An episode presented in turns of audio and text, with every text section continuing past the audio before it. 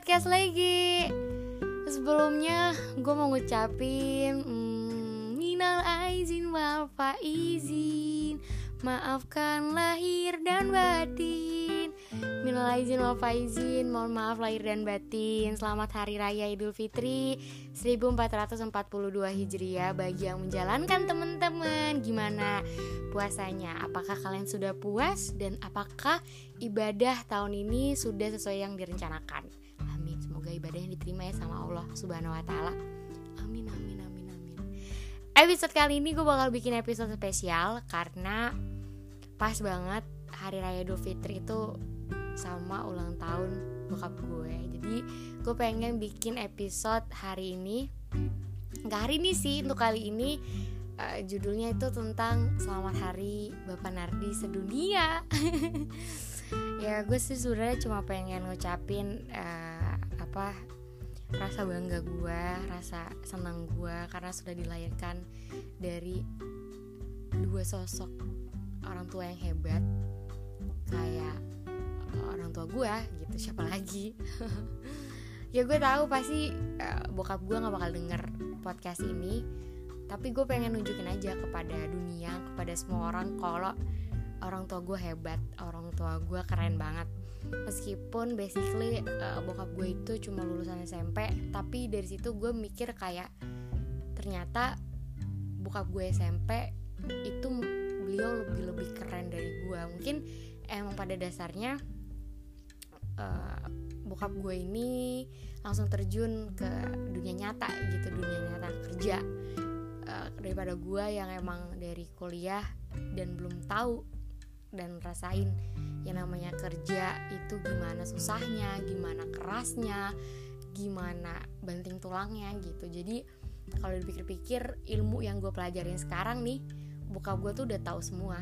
Kayak wow, buka gue nggak belajar tentang ilmu itu dan dia cuma lulusan SMP, tapi dia bisa ngerti sama apa yang gue pelajarin gitu malah lebih lebih pinter beliau udah pada gue sendiri sampai gue malu gitu kan kayak kayak belajar tentang forecasting terus tentang belajar uh, rantai pasokan gitu. Dan itu bokap gue belajar. Dan bokap gue tahu semuanya lebih-lebih dari gue jadi kadang gue paling nyambung sih sama bokap kalau ngobrol serius gitu. Kayak ngebahas tentang uh, dunia pendidikan ke depannya mau kayak gimana terus kuliahnya gimana arahan-arahan gue untuk menjadi sosok cewek yang hebat menjadi sosok cewek yang bisa apa bisa beradaptasi dengan ruang lingkup yang emang dia nggak tahu itu sebenarnya kayak gimana gitu. Uh, kita balik ke enam tahun yang lalu. Di saat gua itu masih apa masuk ke pondok pesantren. Ya gue anak pesantren cuy. Pesantren rock and roll. Gue menjadi salah satu alumni di salah satu pondok pesantren di Lebak Banten. Dan itu posisinya keluarga gue tuh nggak punya mobil sama sekali. Dan anehnya kenapa gue nggak tahu ya? Kenapa gue pengen munduk di tempat yang cukup elit lah? Emang boarding school gue ini rada-rada cukup elit dan notabene orang-orang yang cukup berada lah yang cukup berada ya terus yang rata-rata semua orang tuh punya mobil ketika dijenguk mereka bawa mobil Fortuner, Avanza, segala macamnya lah pokoknya. Tapi di situ gue nggak punya mobil, sampai gue minjem ke tetangga gue untuk nganterin gue doang untuk datang ke boarding school yang isinya orang-orang kaya gitu. Gue nggak berekspekt sampai segitunya sih kayak ternyata isi-isi dari anak pesantren tuh keren-keren ya gitu. Dari keluarga yang berada semua. Dan gue pas tahu uh, pembay apa bayaran dari pondok pesantren gue juga itu kayak orang tua gue mampu nggak ya? Gitu. Ternyata gede banget cuy biaya sekolah gue gitu. Terus uh, gue mikir kayak kayaknya dulu gue SD itu menjadi anak yang kebanggaan keluarga banget. Kayak dapet ranking mulu terus apa bintang pelajar segala macam gitu. Kayaknya menjadi menjadi anak yang paling paling paling berharga lah pada saat itu. Sebelum ada dari gue ya. Yang emang terkenalnya adik gue ini pinter banget banget banget banget banget banget. Sampai FYI kemarin Lola Risa itu dibantu sama adik gue buat ngisi soal untuk apa namanya kerja dia jadi dia ada tes psikotes dan itu yang ngerjain adik gue dan ternyata dia lolos karena yang ngisi adik gue gitu. Udah sih gitu doang. Terus uh, ya allah. Terus habis kayak gitu udah dari kayak gitu ya udah deh. Gue merasa sedih banget itu kayak orang tua gue datang buat ngejengukin gue pakai motor bayangin bawa motor bawa adik gue itu dari Tangerang ke Lebak cuy itu jauh banget. Dan motor tua itu gue inget banget. Kayak gue kayak hmm, itu menjadi suatu hal yang gue mikir gila orang tua gue tuh hebat banget ya gitu. Dan gue mikir juga kayak ngapain malu gue gitu. Di saat temen-temen gue orang-orang hebat dijenguk dengan mobil Fortuner mobil-mobil besar. Bukan truk ya ya mobil mobil-mobil mahal lah intinya gitu dan gue lebih kagetnya lagi karena emang kebiasaan orang tua gue tuh datang dengan motor Supra X motor lama ya beliau motor tuanya itu datang uh, di saat kayak bawa-bawa barang-barang kayak kebutuhan gue di pondok kayak makan terus pokoknya itu motor bener-bener berat banget sih menurut gue eh tiba-tiba suatu suatu hari tiba-tiba datang lah mereka sama mobil dan itu mobil lama mobil tua mobil tua juga. Mobil apa ya? Mobil kijang. Kijang warna silver gue ingat banget. Mereka datang terus gue sangat-sangat terkejut kan kayak hah? Mobil siapa? Minjem lagi kata gue gitu kan. Gue langsung kayak terkejut gitu kan kayak enggak ini mobil bapak gitu. Gue langsung kayak wah gila gitu. Dan gue sedih lagi kan kayak ternyata perjuangan bokap menyokap gue tuh sampai sejauh itu gitu buat apa nyekolahin anaknya se sekuat itu gitu. Terus tapi ternyata uh, gue masih belum bisa membahagiakan kedua membahagiakan kedua orang tua gue.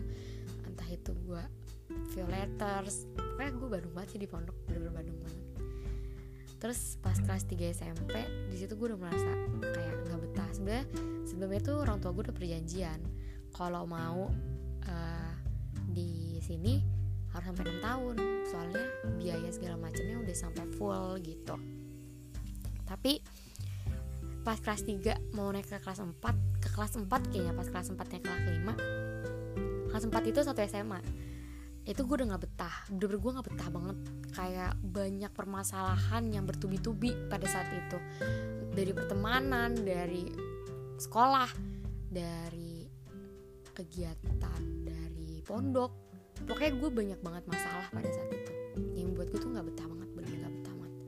Tapi di saat gue minta keluar tuh gak boleh karena emang perjanjian awal kan kalau emang udah di sini harus sampai 6 tahun gitu. Nggak boleh sampai 3 tahun 4 tahun gitu. Karena susah cuy.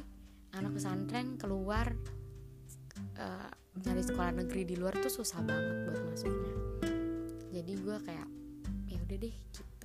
Memaksakan diri untuk berusaha sebaik mungkin dan semaksimal mungkin. Meskipun gue belajar tuh mau mau enggak enggak kayak sekolah ya sekolah. Lu ngerti gak sih? Kayak sekolah cuma sekolah tanpa lu belajar dengan giat. Tapi ternyata pada saat itu gue merasa nyesal menyesal banget kayak Ih, gila ya gue di pesantren nggak ada bekasnya gitu. Kayak orang tua gue tuh nyekolahin tuh kayak sia-sia gitu. Tapi pas sekarang gue kuliah gue merasakan susahnya nyari kuliah dan keluarga gue menyekolahkan gue dengan seperti itu gitu. Dan gue melihat ketika orang tua gue sekarang punya mobil sendiri oh iya mobil yang putih itu udah dijual lagi dan alhamdulillah udah udah kebeli mobil baru nih gitu. tapi nggak nggak baru-baru banget sih cuman seenggaknya gue mulai perjuangan orang tua gue tuh kayak khususnya bokap gue menyekolahkan gue adik gue itu kayak nggak nggak mikir besok makan apa gitu yang penting anak gue sekolah gitu yang penting gue tuh pinter. Yang penting anak gue tuh bisa apa menggapai cita-cita mereka. Sejujurnya kayak orang tua gue sendiri tuh mereka nggak pernah maksain anaknya untuk uh, harus gini harus itu harus masuk jurusan ini harus jurusan itu. Mereka kayak membebaskan gue untuk terserah kamu mau ngambil apa tapi kamu harus punya konsekuensinya kamu harus punya tanggung jawab atas diri kamu. Kalau kamu yang kalau kamu ambil jalan itu ya udah lakuin. Jangan jangan marah dan jangan menyesal. Kalau suatu saat nanti kamu gagal dan merasa apa yang kamu jalanin itu gak guna gitu. Gue selalu ingat dari orang tua gue kayak gitu. Dan dan orang gue tuh bukan dari keluarga yang emang kaya gitu. Gue bukan dari keluarga yang emang mampu banget gitu. Dan bukan dari keluarga yang gak mampu juga gitu. Sampai uh, gue kuliah UKT gue tuh gede banget kan. Kayak gue gimana pun caranya nih gue kuliah gue gue gue dapet beasiswa terus gue ikut organisasi yang emang bermanfaat buat gue dan ke depannya dan ngikutin apa yang gue pengen menjadi passion gue lah intinya dan kayak gue di kampus apa berangkat pagi pulang malam gitu-gitu terus kan. Kayak ya capek cuman gue mikir kayak gila orang tua lu lebih capek cuy. Nyari duit banting tulang buat lu. Masa lu cuma gini doang ngerasa capek gitu. Gue situ mikir langsung kayak enggak sih gue langsung kayak gimana caranya gue harus dapat beasiswa. Dan orang tua gue tuh selalu selalu nyantepin diri gue untuk yang penting jujur yang penting jujur jangan bohong. Kalau kamu bapak gaji segini jujur aja. Jangan merasa anak yang menjadi anak yang gak mampu gitu. Kalau emang rezeki kamu Allah juga bakal nunjukin gitu. Orang tua ah bokap gue selalu ngomong kayak gitu. Ada saatnya gue ikut beasiswa ditolak-tolak mulu tuh. Sampai kalau gue bilang pak mau ikut beasiswa ada cantuman untuk keterangan tidak mampu nggak? Gitu. Pasti selalu nanya gitu. Udah deh kalau ada keterangan kayak gitu nggak usah ikut ya gitu. Bapak nggak mau bohong gitu. Bapak bisa aja minta ke kelurahan tapi dengan cara kayak gitu kayaknya nggak berkah gitu. Udah dari situ gue mikir ya udah deh emang mungkin rezeki beasiswa gue ada orang lain yang dapat gitu. Lebih-lebih dari gue gitu yang membutuhkan. Tiba-tiba eh gue dapet lah keterima Gendi eh gue seneng banget sih. Itu bener-bener kayak perjuangan gue pulang apa berangkat pagi pulang malam mempertahankan IPK gue tapi gue sibuk di organisasi juga.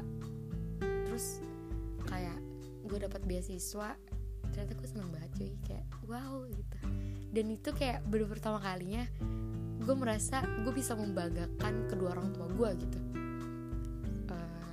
melebih-lebih dari kemarin gue dapet kuliah negeri. Iya gue sebenarnya itu kan gue gap year ya gue gap year setahun karena gue nggak dapet universitas negeri. Karena itu gue males belajar dulu di pondok. Kayak sebenarnya gue pinter cuy. Cuman kayak karena gue males ya kan gue udah males mondok. Jadi gue kayak mau mau nggak nggak gitu buat sekolah. Tapi ternyata uh, manfaatnya dan akibatnya gue rasakan sendiri. Setahun gue gap year terus gue berusaha untuk les dan itu namanya gue dapet rezeki yang kayak gue dilesin sama saudara gue. Terus eh udah deh ternyata pas tahun kedua gue nyoba lagi. Mandiri itu pun mandiri gue keterima di universitas negeri di Banten. Itu seneng banget sih. Seneng banget -bener kayak perjuangan gue coy. Bener-bener perjuangan banget. Parah. Ya udah deh. Dari situ gue keterima beasiswa dan gue bilang kayak gue nunjukin gitu pak mah UKT teh gede tapi semoga dari beasiswa ini bisa ngebantu. Dan itu itu bener-bener momen yang di mana gue merasa gue tuh menjadi orang yang sangat beruntung pada saat itu. Makanya gue di sini cuma pengen bilang selamat ulang tahun ya pak. Makasih untuk kerja keras untuk dedikasinya untuk anak-anak.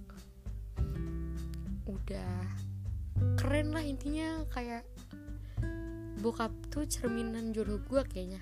Kayak gue suka sama laki-laki nih gak jauh-jauh nih dari tipe-tipe bokap gue kayak kumis tipis pinter ngomong leadership yang keren banget. Gue tuh suka banget sama laki-laki yang pinter kan. Karena bokap gue tuh pinter banget cuy. Kayak aduh gue nggak bisa ucapin dengan kata-kata deh. Jadi uh, tata cuma pengen bilang ke bapak semoga sehat selalu. Biar pencapaian-pencapaian tete ke depan bisa dilihat sama bapak sama mama terus bisa ngebanggain mama sama bapak bisa membayar keringet yang dikeluarin sama bapak sama mama selama ini gitu. Selamat ulang tahun ya bapak. Semoga panjang umur sehat selalu. Selalu dikelilingin sama orang-orang baik. Jangan lupa sholat aduh sedih banget ya kak kalau ngomongin orang tua. Deh gue yakin itu orang tua gue gak bakal denger. Cuman gue pengen bilang kalau semua kalau bokap gue tuh keren banget coy. Bener-bener keren banget. Makanya gue bikin edisi spesial buat bokap gue. Biar gue nunjukin ke orang-orang. Meskipun bokap gue SMP tapi leadership dia dedikasi dia sama perusahaan sama temen-temen dia sama anak buahnya itu lebih-lebih dari SMP sampai profesor juga gue yakin profesor juga kalah dari bokap gue the best pokoknya Pak Nardi. Selamat ulang tahun ya Pak. Teteh sayang Bapak. Love you. Sampai berjumpa di episode selanjutnya. Dadah